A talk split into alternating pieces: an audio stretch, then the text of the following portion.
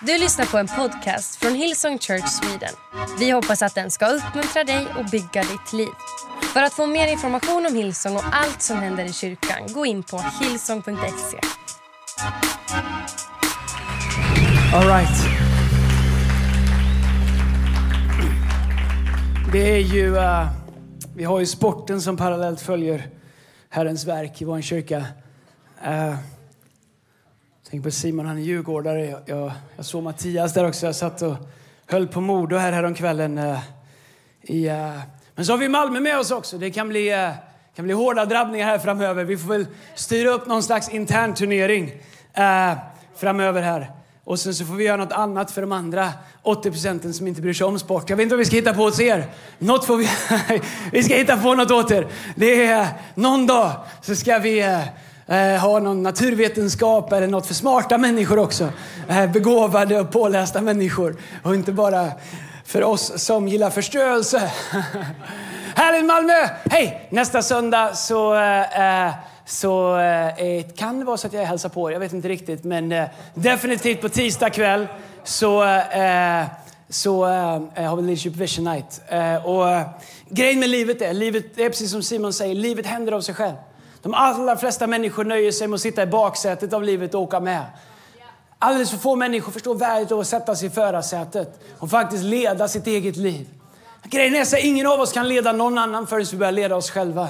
Eh, och Leadership Vision Night handlar om att eh, utrusta oss på livets alla områden. Det handlar inte om hur du kan bli mer effektiv i kyrkan eller team. Det är inte alls det som är grejen. Utan hur vi kan växa som ledare i våra vardagar, i våra familjer, i våra liv och på livets alla områden. Eh, därför att jag tror att vi antingen så utvecklas vi eller så avvecklas vi. Vi växer eller vi, vi, vi liksom går bakåt därför att ingenting i livet är statiskt. Okej, okay, well. Idag Eh, spara det vattnet, jag kommer behöva det sen. Så här, jag har inte predikat på ett tag nu. Jag vet inte om någonsin, är det fyra veckor sedan jag fick, äh, fick predika? Jag tror det. Jag har ju varit här så äh, jag har mycket äh, jag vill äh, tala om idag och hade egentligen äh, tänkt att äh, någonting annat. Men sen så har jag haft en sak som jag har burit på och bett mycket för själv och sådär. Jag delade med vårt staff och våra interns för någon vecka sedan om det. Och, om jag skulle sätta upp det... Eller så jag ska bara predika det frimodigt. Men låt mig sätta upp det. Uh, för er som var på Heart and Soul, stort tack för det, för att ni var där. Uh, tack för ert lean in, för er värme, eh, uh, er support. Det betyder så otroligt mycket. Uh, men en av de sakerna jag upptäckt det här året, förlåt, den här vintern och början på det här året, för mig själv, är att det känns nästan som att Gud har bytt frekvens. Det är det bästa sättet jag kan förklara det på. Det är som att Gud han talar och Gud han går att finna. Men för alla er som var med på den tiden man hade komradio, det är länge sedan jag Lina säger du måste hitta liksom, liksom liknelser som är, mer moderna. Men du vet, man lär sig så mycket i början av livet, sen följer det med. Liksom. Du bara sitter där. Kommer vet inte vad det är. Jag hoppas det finns några som vet vad det är. Jag ska inte peka ut dem. Äh, det stackars massor får alltid vara referens till allt som men du vet så FM-radio, du vet när man fick skruva, strunta i det här, men man fick skruva in frekvensen. Det är som att Gud, jag upplever nästan som att Gud har bytt frekvens. För att han vill att vi ska söka honom. Inte utifrån slentrian, utan söka honom på ett nytt sätt. Jag upplever det personligen och upplever det för vår kyrka. Så att vi kan söka, för Gud vill bli sökt.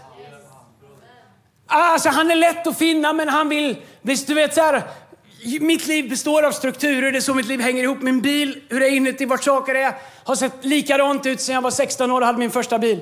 Eh, och eh, min ryggsäck har sett likadant packad ut i 20 år. Eh, vad säger det om mig? Well, du kan dra din egen analys. Eh, det hjälper mig bara att ha ordning på saker och ting. Och när någon har flyttat på någonting, då blir det syntax error i mitt system. Saker ska vara där de ska vara. okej?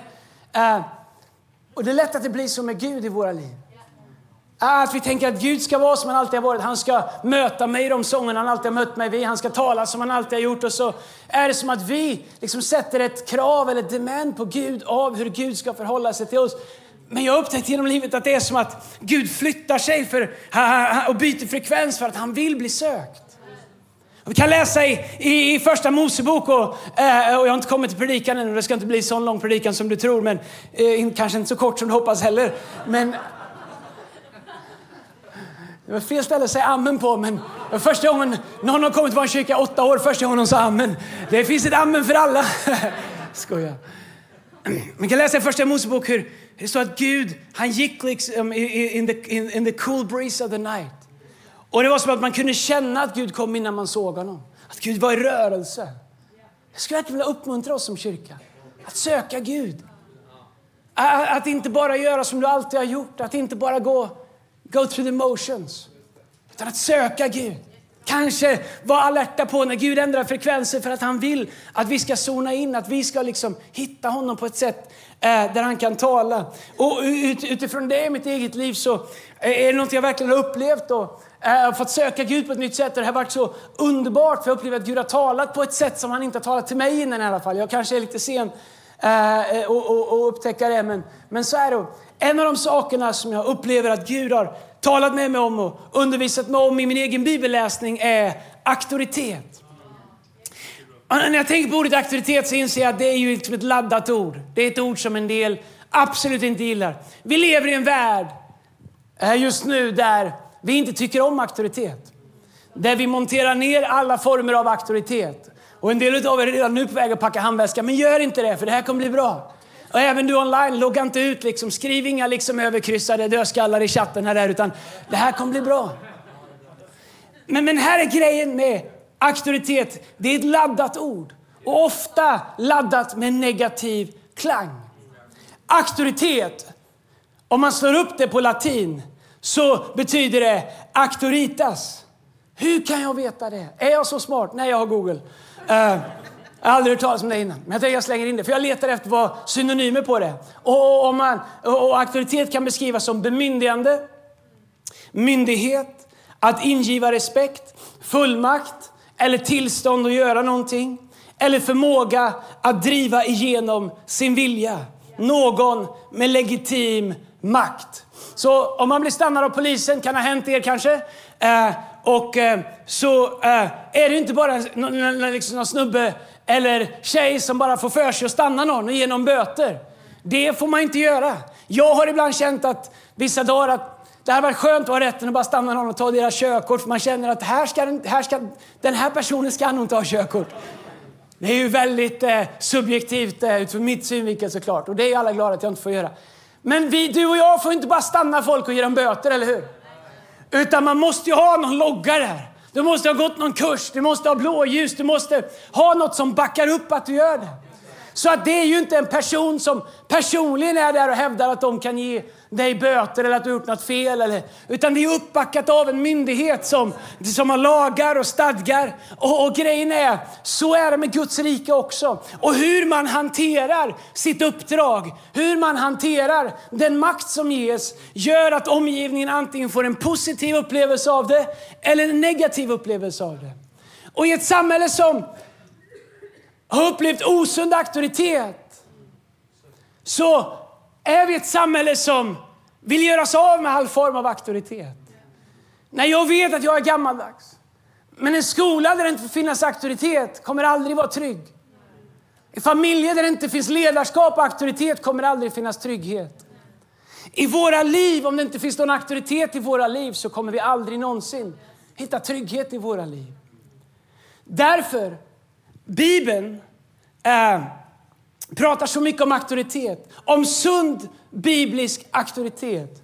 Att den skapar trygghet, att den skapar ramar och att den skapar ordning. Vi kan se det när det är i skapelsen. Och äh, äh, det står att allting var liksom svävande. Guds ande svävar över jorden och allt var liksom bara flytande.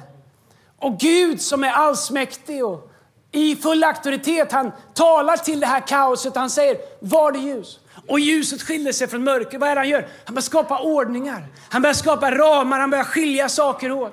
Han säger till land och vatten, skiljer åt. Vad är det han gör? Han skapar gränser. Han skapar liksom strukturer. Faktum är att Gud är antikaos. Frånvaro av auktoritet är kaos.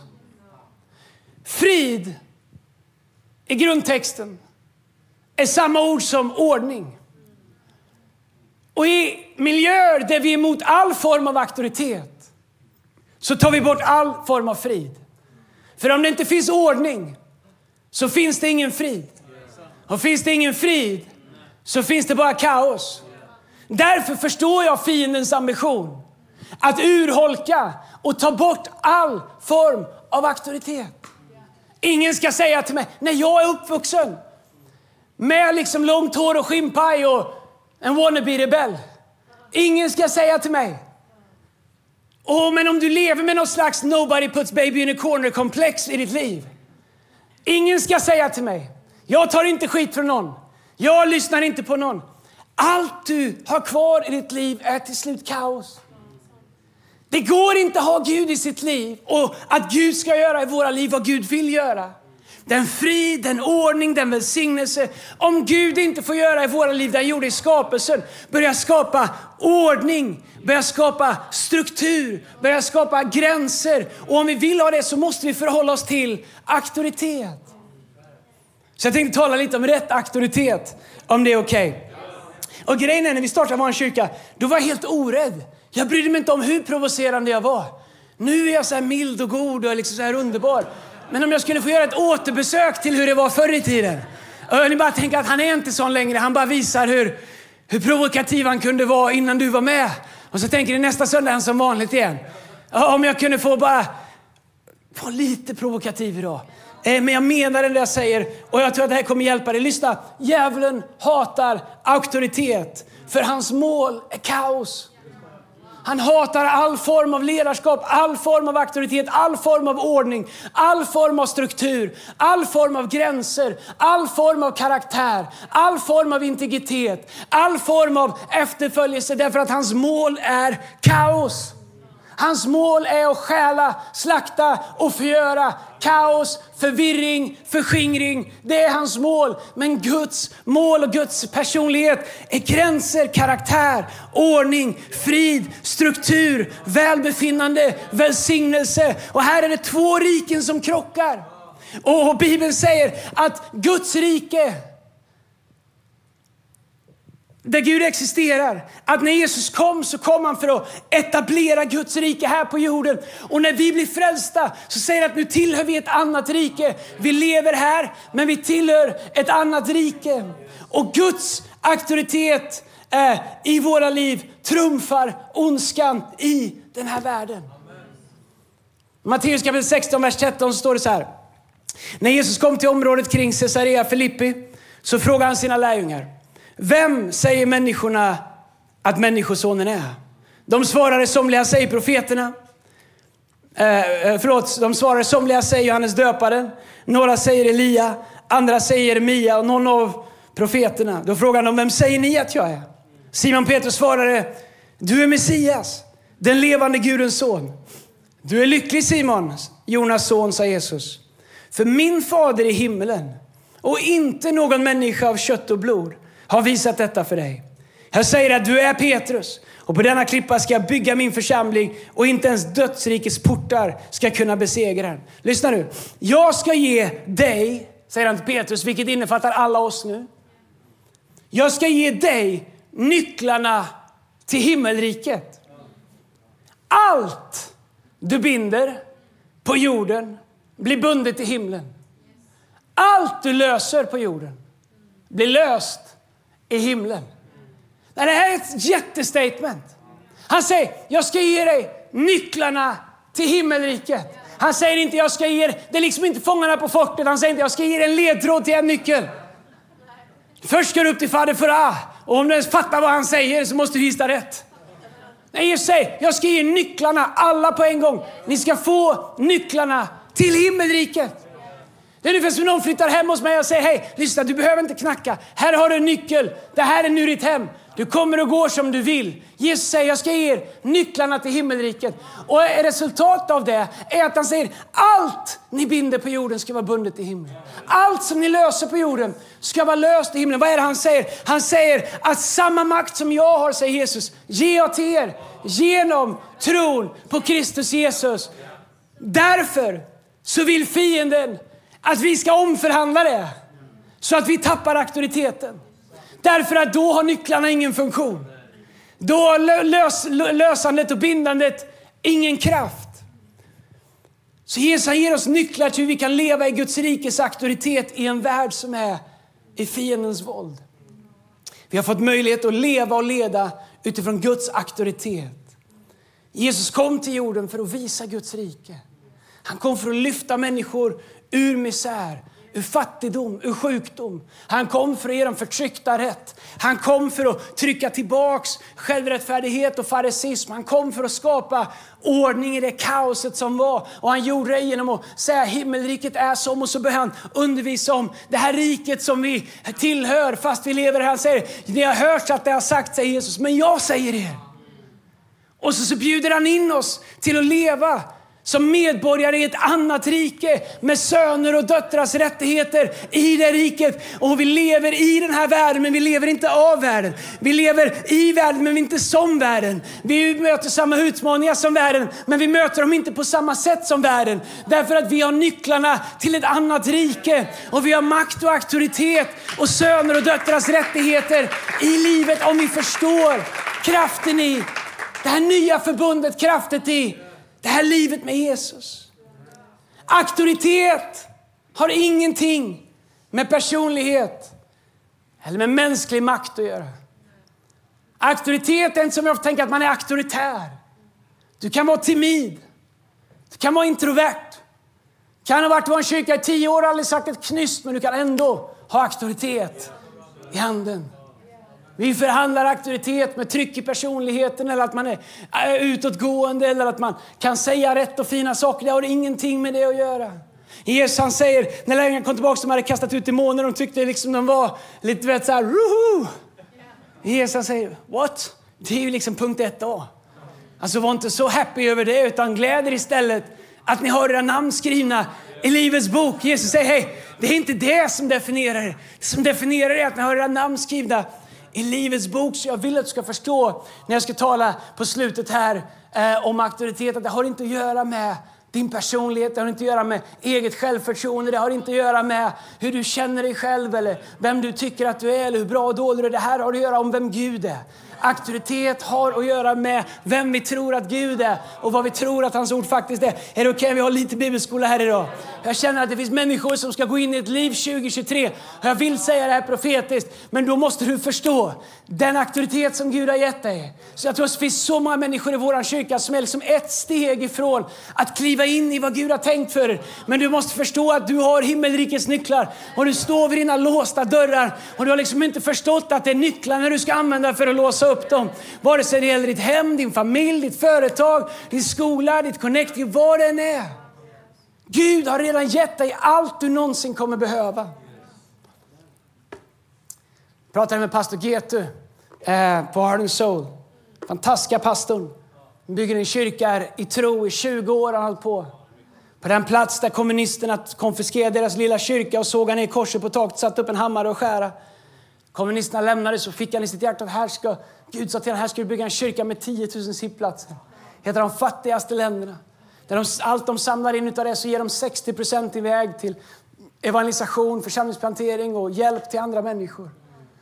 Utan lån och skuld så har de i 20 år trott ihop sten för sten. Och vi har fått i våra hjärtan att vi ska hänga upp en bra ljudanläggning åt dem där tills invigningen äh, i, i sista helgen i april. Och.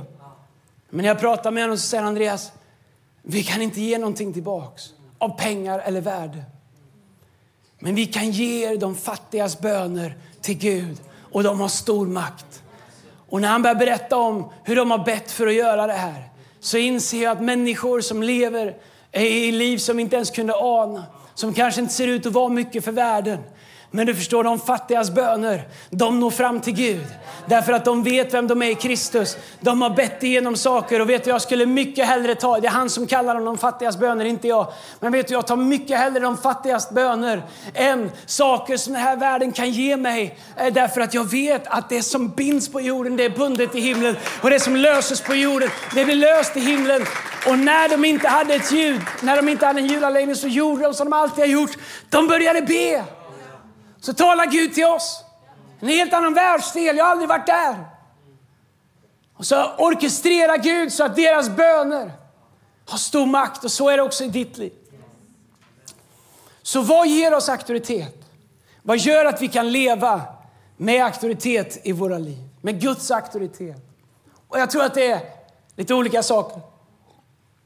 Jag skrev ner åtta, de kommer gå fort. Jag kanske skippar några ifall jag tycker att ni slutar lyssna. Men vi börjar. Vad ger oss auktoritet? Nummer ett, kallelse. Kan man skriva ner? Kallelse. En förståelse om kallelse. Eh, Paulus han skriver i Efesierbrevet kapitel 4, vers 1. Så skriver han så här. Därför vill jag, som sitter fängslad för Herrens skull, nu uppmana er att leva på ett sätt som är värdigt er kallelse. Vet, när jag, har läst det massa gånger innan. Och så har jag läst det i vinter. Och, och när jag hållit på att orientera mig själv så, så landade jag att det här är allt jag behöver. För att veta vad jag ska göra med mitt liv. Att leva ett liv som är värdigt den kallelse som Gud anförtrott mig. Att du lever ett liv som är värdigt den kallelse som Gud anförtrott dig. Och när vi väljer att leva liv som är liksom värdiga det Jesus har gjort för oss och det han har kallat oss till, så lever vi med den auktoriteten. Därför att jag tror att din auktoritet är kopplad till din kallelse. Om vi tittar på Jesus, under 30 år så gör han ingenting. Inga mirakler, han går inte på vatten. Det finns inte ett enda mirakel nedtecknat. Men från det ögonblick att han döps och den heliga Ande kommer över honom och han steppar in i sin kallelse. Så på tre år så gör han så mycket så vi predikar om det varje söndag i hundratusentals kyrkor fortfarande. Därför att hans auktoritet som Gud hade gett dem, när Anden kom över honom, när Gud säger detta är min älskade son, jag kan det bara på engelska, this is my beloved son in whom I'm well pleased och helt plötsligt kommer Anden över honom och så kliver han in i någonting där auktoriteten är kopplad till uppdraget och kallelse. Därför säger Paulus, lev värdigt den kallelse du har fått. Det andra som jag ser ger oss auktoritet, det är underordnande. Det är också ett modeord 2023. Eh, några som stängde av, loggade ut på online direkt. Nej, det är det inte. Men vet du, jag tror att det här är så viktigt. Och allting som är en välsignelse går också att använda negativt. Men bara för att saker används negativt så betyder det inte att det i sin rena form är något negativt. Men underordnande till Gud, underordnande till ledarskap och underordnande till varandra frigör Guds auktoritet i våra liv. Kolla här vad, vad eh, Petrus skriver i första Petrusbrevet kapitel 5, vers 3. Så står det så här. Då ska ni, när, ni, när den högste herden uppenbarar sig, alltså Jesus, få en härlighetens segerkrans som aldrig vissnar. Uppträd inte som härskare över dem som har anförtrotts åt er, utan gå före med gott exempel. Så han säger, hej, ni som är ledare, uppför er inte som härskare, utan var föredömen. Alltså förtjäna din rätt att leda.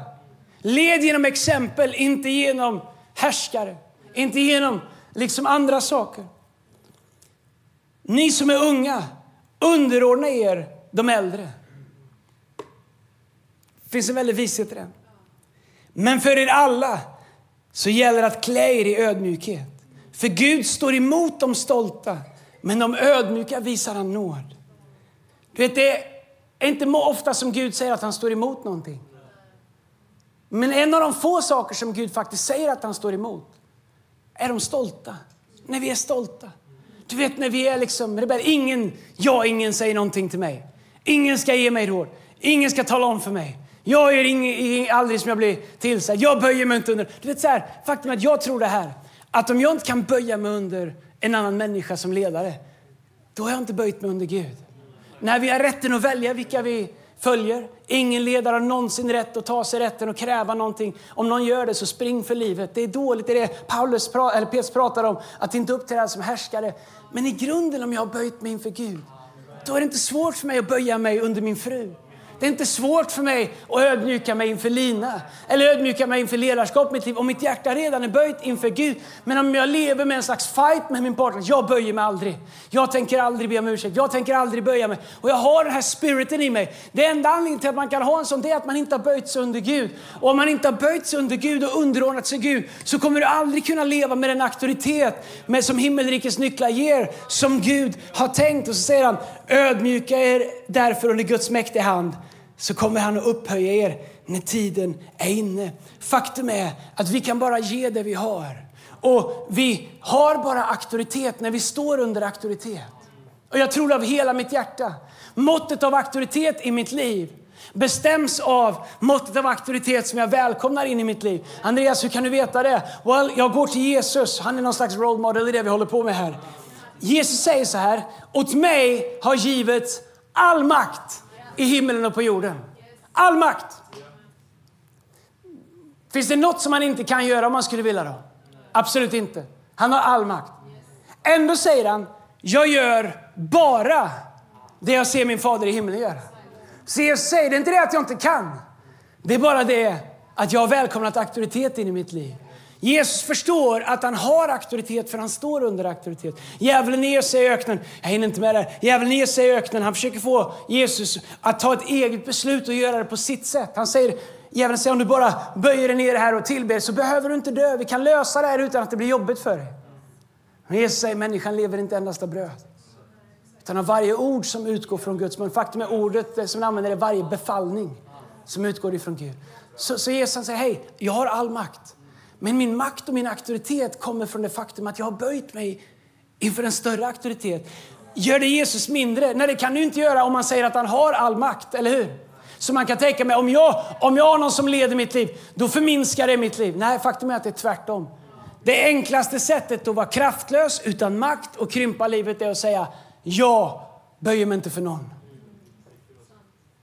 Men grejen är, Jesus säger, förlåt, Petrus skriver att Gud står emot de stolta. Säger är det exakt det som hände fienden, djävulen. När han var en av lovsångsledarna. Och han tyckte, varför ska, bara, varför ska bara Gud ha tillbedjan?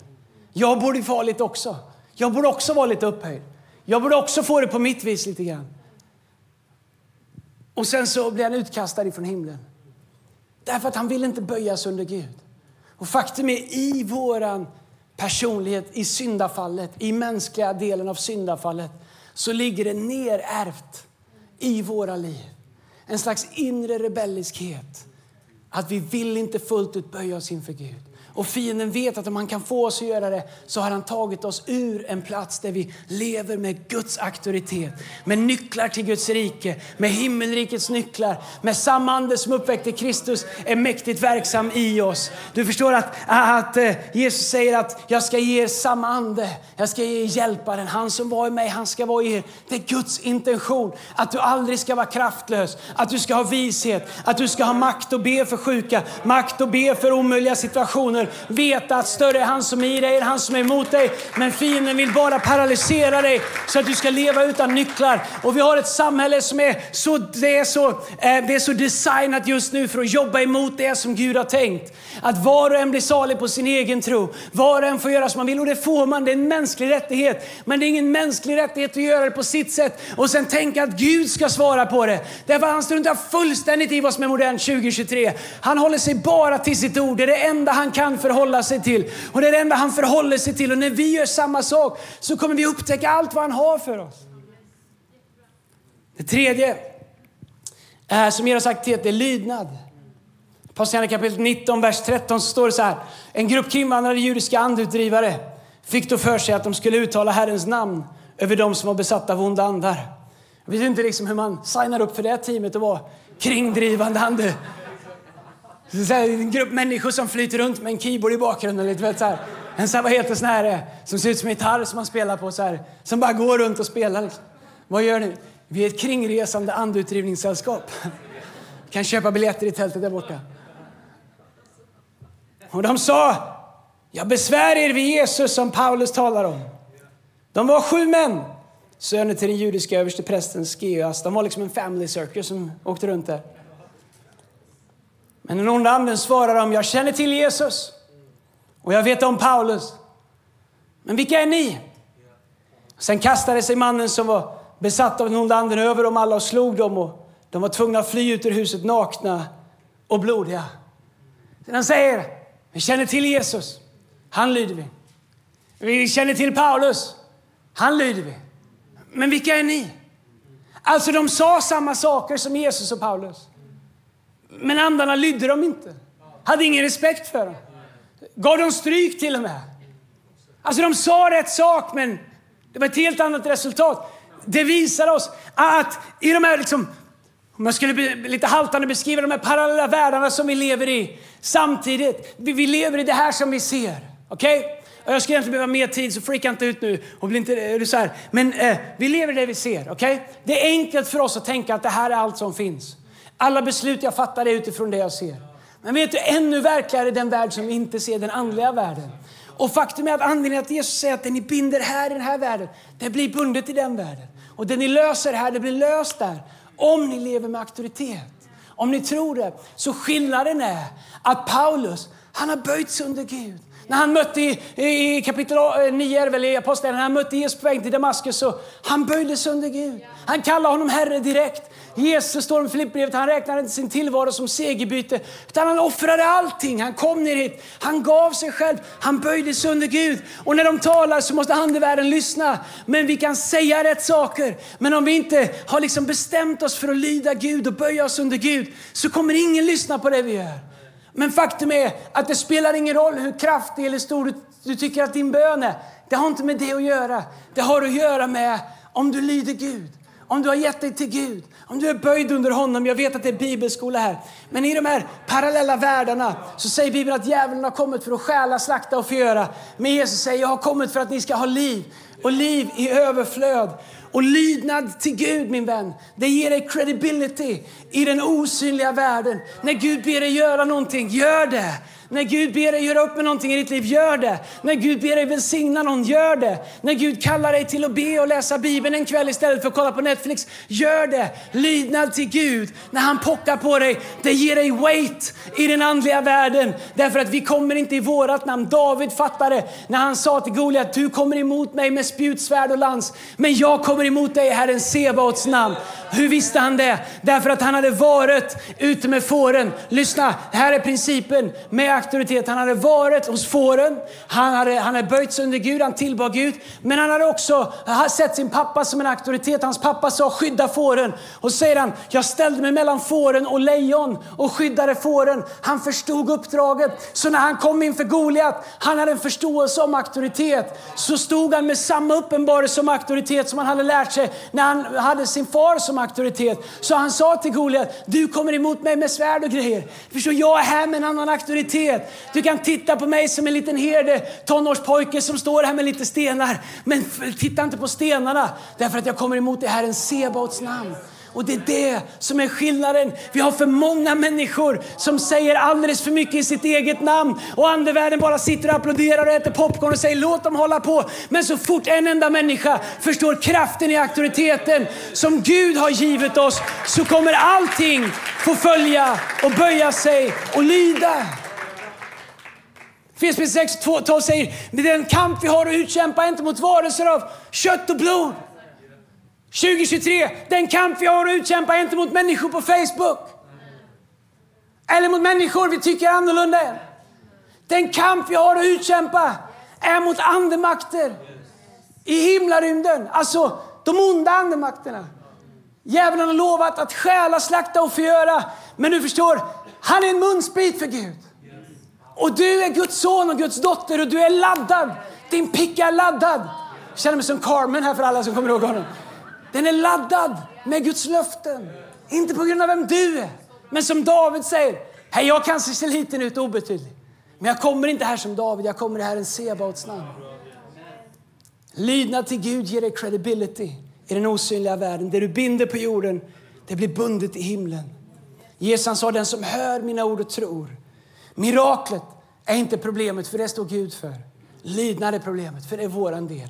Men Guds löfte plus vår lydnad ger alltid ett övernaturligt resultat i Jesu namn. Okej, okay, vi får se om vi hinner alla här idag. Men nummer fyra av vad som ger oss auktoritet. Gör dig av med hemliga skelett. Jag är ledsen om jag bara borrar mig lite djupare in i dig här idag. Eller oss, i mig också såklart. Hemliga skelett, du vet. Eller det är ett mjukare sätt att säga, gör dig av med hemliga synder. Du vet, i livet, vi syndar. Jag vet var går gränsen, kör för fort, blir irriterad, avundsjuk, skvallrar, whatever missunnsam. Allt det där är synd. Det är inte de sakerna jag pratar om. Att vi försöker bli mer lika Gud varje dag. Men de här sakerna som vi har ibland i våra liv, som vi vet att vi borde göra upp med. De här sakerna vi sminkar över, som vi gömmer så ingen ser dem. Vet du vem som ser dem? Andevärlden. Det finns inga filter, finns inga lager, finns inga fasader, finns inga liksom, hemliga Instagramkonton du kan starta under fejknamn för att gå in på Tinder eller vart du är. Eller vad det nu är vi har i våra liv. Girighet. Jag vet inte vad det är. Allt, som, allt vi tillåter existera oss, som vi vet är synd, men som vi på något sätt ger plats åt i våra liv, urholkar Guds auktoritet i oss. Därför att det är som att fienden har liksom ett veto att lägga in varje gång du försöker leva det livet som Gud har kallat dig till. Och du börjar göra och säger fienden, app, app, app, app, jag håller hake på dig. Jag har en inteckning i dig. Det där livet, jag behöver inte lyda, jag behöver inte acceptera, jag behöver inte förhålla mig till. Vet du, om vi gör oss av med det i våra liv. Bibeln säger att om vi bekänner våra synder, då är han trofast och rättfärdig. Och han renar oss från all synd och vi kan börja leva med en gudomlig auktoritet i våra liv i Jesu namn. Petrus han säger i, andra, i första Petrus kapitel 2, vers 1. Gör er därför av med all ondska, falskhet, hyckleri, avund och förtal. Längta som nyfödda barn efter den rena andliga mjölken för att genom den växa till i frälsningen. Ni har ju fått smaka Herrens godhet i Jesu namn. Wow, uh, det flödar här uppe. Det flödar bort hit. Uh.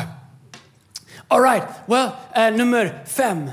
Guds auktoritet är över dig där han har kallat dig.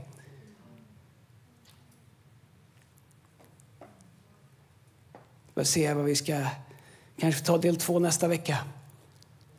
Men Paulus han skriver i sitt brev till Filippi kapitel 2, vers 19. Jag hoppas att Herren Jesus snart ska låta mig skicka Timoteus till er så att jag blir uppmuntrad av färska rapporter från er. Det finns ingen som känner ett sånt ansvar eller intresse för er som han. Han har ägnat sig, han har ägnat, han, alla andra ägnar sig bara åt sina egna intressen, inte det som tjänar Kristus Jesus. Men ni vet vad Timoteus har visat prov på. På samma sätt som en son arbetar tillsammans med sin far har han hjälpt mig i arbetet med evangelium. Vet du, ledarskap är följarskap. Och vi kommer aldrig bli bättre på ledarskap, inte i våra äktenskap, inte i våra hem, inte i våra vardagar, inte i våra team, i våra connectgrupper. Vi kommer aldrig bli bättre ledare än vad vi är följare. Och det finns så många kurser du kan ta och klasser och grejer i ledarskap. Men faktum är att det är min övertygelse och Bibelns absoluta berättelse att vårt följarskap avgör vårt ledarskap. Jesus visade om och om igen. Om och om igen. Vet, när, han är, han är försvunnen, han är 12 år, han är kvar i templet och föräldrarna kommer efter några dagar. Vilka föräldrar tappar bort sin son i flera dagar? Jag vet inte, men de kanske inte hade gått någon kurs där. Men, men, men Jesus, de hittar Jesus och Jesus säger, men vet ni inte att jag måste vara där min far är? När de försöker få Jesus att göra saker och ting, Jesus säger, min tid är inte kommen än. Hela tiden så visar och demonstrerar Jesus att allt av hans ledarskap kommer från hans följarskap av Jesus. Det är de viktiga sakerna för att kunna leva med auktoritet och kunna leva i ledarskap över ditt eget liv och omgivning, det är att bli en bra följare. Vet du, jag har fått jobba jättemycket med det. Därför att by nature så är jag ingen bra följare. Därför att jag tycker att alla springer för långsamt. Ah, jag tycker det är för bökigt. Jag, du vet, så här, jag gillar mina idéer. Du vet, så här, ja. Men tack gode Gud så gav Gud mig en fru som har gjort... Eh, eh jag är långt från färdig, men jag är lite, lite bättre. Eh, och, eh, eh, och Gud har också gett mig ganska starka ledare i mitt liv. Min första pastor i USA, han var fotbollscoach, han var stark kan jag säga. Han hade kanske inte alltid passat in i modernt ledarskap, men det var vad jag behövde. Och, men grejen är så här, det spelar ingen roll hur mycket ledarskap jag har i mig. Om jag inte lär mig att bli en följare. Därför att det är it's a hard issue. Det har med våra hjärtan att göra. Kan min fru säga någonting till mig utan att jag ska bli... Va, va? Ska du säga till mig? Och du då? Eller är det så att det Bibeln säger att vi ska ödmjuka oss inför varandra? Att jag inte bara som man, inte bara är familjens överhuvud och bara ska bestämma. Att jag faktiskt måste underordna med henne också. Att vi båda underordnar oss varandra. För hur ska jag kunna älska henne och hur ska jag kunna leda vår familj om allt jag vill göra är att leda och aldrig vilja lyssna in, aldrig kunna följa. Vet du, ibland måste jag följa mina barns önskan. Jag kanske har en idé, jag vill göra det och jag vill leda. Men ibland så måste man följa du vet, de som du leder också. Men, men ett hjärta som har bestämt sig för att vara en följare kommer alltid kunna leda.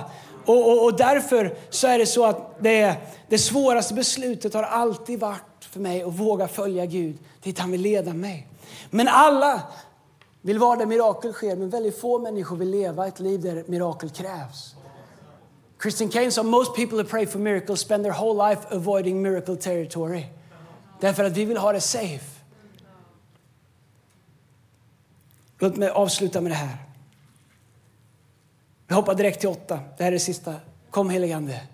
Och Daniel. Åtta. Intimitet med den helige Ande. Gör att hans röst hörs i din röst. Eftersom varje röst har en ton, eller hur? Jag kan vara i ett rum som det här. Om Lina säger någonting så hör jag hennes röst, för jag är van att lyssna på den. Vi säger till våra barn, eller inte den tonen tack. När de är svår, små och vill be om någonting och säger jag vill ha, jag vill. Och då säger vi, inte den tonen tack. Kan jag få? Kan jag be och få? Eller hur? Hur många vet att eh, när mamma sa någonting med den tonen, då var det färdigpratat. Då var det game over, okej. Okay. Blicken, tonen, eller hur? Men vet du, våra liv har också en ton. Den heliga Ande har en ton. Intimitet med den heliga Ande gör att hans röst och hans ton hörs i din ton. Varför sa de, vi vet vem Paulus är, han har vi hört, vi vet vem Jesus är, han har vi hört. Men vi har aldrig hört talas om er. Det är som att det var något som saknades, en klangbotten som saknades i tonen. Våra barn lär sig att tala på rätt sätt genom att lyssna på oss tala. Det är ett ansvar som vi som vuxna har, eller hur? Det räcker med att titta på Melodifestivalen så blir man ju, känner man att vuxna har bara abdikerat allt ansvar som finns för nästa generation. Hur vi pratar, ansvaret som vi har för hur våra barn ska prata. Vi kan skälla hur mycket vi vill på unga människor, hur de pratar i skolan och allting. Men vi utbildar ju dem på alla stora plattformar som finns. I varenda film, i varenda tv-serie, i varenda direktsändning. Kalla mig gärna gammalmodig. Men det vi sår får vi skörda. Men den helige Ande har en stämton. Och här är grejen. Bibeln, när vi läser Guds ord och lovsång och gudstjänst, det stämmer vårt inre till den helige Andes ton. Varför läser vi Guds ord? Därför att det färgar vår röst, tonen i vår röst. Varför lovsjunger vi? Varför försöker vi alltid få alla att komma på söndagen? Varför kan man inte bara sitta hemma? Om du är med online, vi älskar att ni är med online. Det är en jätteblessing när man inte kan komma till kyrkan. Men lyssna, att vara i rummet är alltid premium. Varför? Därför att jag tror att det sker någonting när vi lovsjunger. Gud blir upphöjd alltihop där. Men vet du, jag tror och jag kan läsa i Bibeln att Guds folk har alltid sjungit ihop sig. Att det sker någonting när vi sjunger, när vi lovsjunger, när vi lyfter upp vår röst, vare sig vi ens har en ton eller inte. Men ditt krax är också med och skapar en stämton. Och det gör att jag kan komma hit och i lovsången, i den kollektiva lovsången, Bibeln säger att när, alla, när vi kommer tillsammans har alla någonting att bidra med. Att vi kan komma samman och när vi sjunger här så är det som att anden stämmer våra hjärtan, stämmer tonen i våran röst till sig själv i den här kollektiva lovsången när vi sjunger och lyfter upp hans namn. Därför spelar det roll om du är här. Därför att det är som att du kommer hit och gör en kalibrering. Förstår du? Det är som förr i tiden när folk hade PC, jag vet inte om det finns någon som har det fortfarande. När du var tvungen att stoppa in en slags drivrutin för att saken skulle funka. Det är samma sak på söndag. Du kommer hit och du kalibrerar dig, ditt hjärta, tonen, stämmer ditt instrument i samklang med allt Guds folk, i samklang i lovsången. Det är samma sak i Connect-gruppen. Varför gör vi det? Därför att vi kommer samman. Det ger oss rösten, det ger oss klangbotten, det stämmer oss emot är behoven i den här världen, anden, alltihop det här som, som vi har. Du lär dig tala från Gud genom att lyssna på den helige Ande. Jesus drog sig undan hela tiden. Varför? Därför att han var tvungen att stämma sin inre röst mot Gud. Så att han skulle kunna tala det Gud kallar honom till. Och faktum är att jag har kommit fram till att väldigt få är superintresserade av att höra vad jag har att säga om saker. Men vet du, världen skriker efter att höra Guds röst. Även om de inte förstår att det är det de längtar efter. Och det är för fattigt om vi bara har våran röst. Det är för fattigt om vi bara har våran auktoritet. Guds plan och Guds tanke är att du skulle uppgradera dig själv, förstå vem du är i Kristus. Förstå vad Jesus har gjort för dig, vem som bor i dig. Att det inte är genom människas styrka eller kraft det sker, utan genom hans ande. Att du är ett Guds barn, att du är Guds son, att du är Guds dotter. Att vi har söner och döttrars rättighet. Att du inte behöver leva i livet bara som en sån GB glassgubbe som slås fram och tillbaka. Yes, det finns saker i livet jag inte förstår. Yes, vi möter utmaningar som vi kanske inte förstår förrän vi är hos Fadern och kan se hela perspektivet. Men trots det så är jag övertygad om att vi inte bara är föräldralösa får som studsar runt, utan att vi har en herde och att vi är hans och att han har gett oss sin ande och att himmelrikets nycklar är här för att vi ska kunna använda dem och att allt som vi binder på jorden i det som är synligt blir bundet i himlen och allt vi löser där nere blir löst i himlen. Så kan jag få säga nästa gång du sitter i ett styrelsemöte eller planeringsmöte och du inte kan komma fram till vad du ska göra, ni hittar ingen väg. Varför inte börja be inom dig och säga Gud, det verkar som alla dörrar är stängda. Därför så ber jag i Jesu namn att du skulle lösa upp en dörr här. Att du skulle lösa ut fri, eh, vishetens ande. Du förstår, om du bara använder dina mänskliga vapen så jobbar du på fel sätt. Du kan ha din slunga, men du måste säga jag kommer inte emot dig med stenar, jag kommer emot dig Herren Sebaots namn. Därför att du är bärare av samma ande som uppväckte Kristus från de döda och han är mäktigt verksam i dig. Du är laddad med Guds ord, med Guds kraft och med Guds löfte. Och när du har auktoritet, kom lovsångsteamet, Anders jag kan sluta. När du har auktoritet, då kan du gå in i ett rum och atmosfären ändras utan att du säger någonting. På grund av vad du bär. Alla rum vi går in i borde atmosfären ändras på grund av vad vi bär. När vi lägger händerna på sjuka så har Gud sagt att de kan bli friska. När vi binder ondskans makter så förlöser han frihet. När vi tar steg i tro så förlöser Gud resurser. Hur ska vi hänga upp i PA i Etiopien? Inte vet jag. Men jag har bundit det och jag har löst det. Och jag har sagt till Gud, du kan göra det. Och vi ber om det kommer ordna sig. Vi har det inte i vår budget, men det är två månader kvar. Andreas är runt nervös lite, men inte faktiskt så mycket. Därför att jag vet att Gud han är mäktig att göra det här. Och om vi ber om det och förlöser det i anden så kommer det manifesteras här nere på jorden. För jag tror att han är mäktig i Jesu namn. När du är bärare av auktoritet och ande så förmedlas tro i varje samtal som du har för människor som behöver dig Jesus. Kom on, ska vi stå upp tillsammans? Stanna med mig bara ett litet ögonblick till.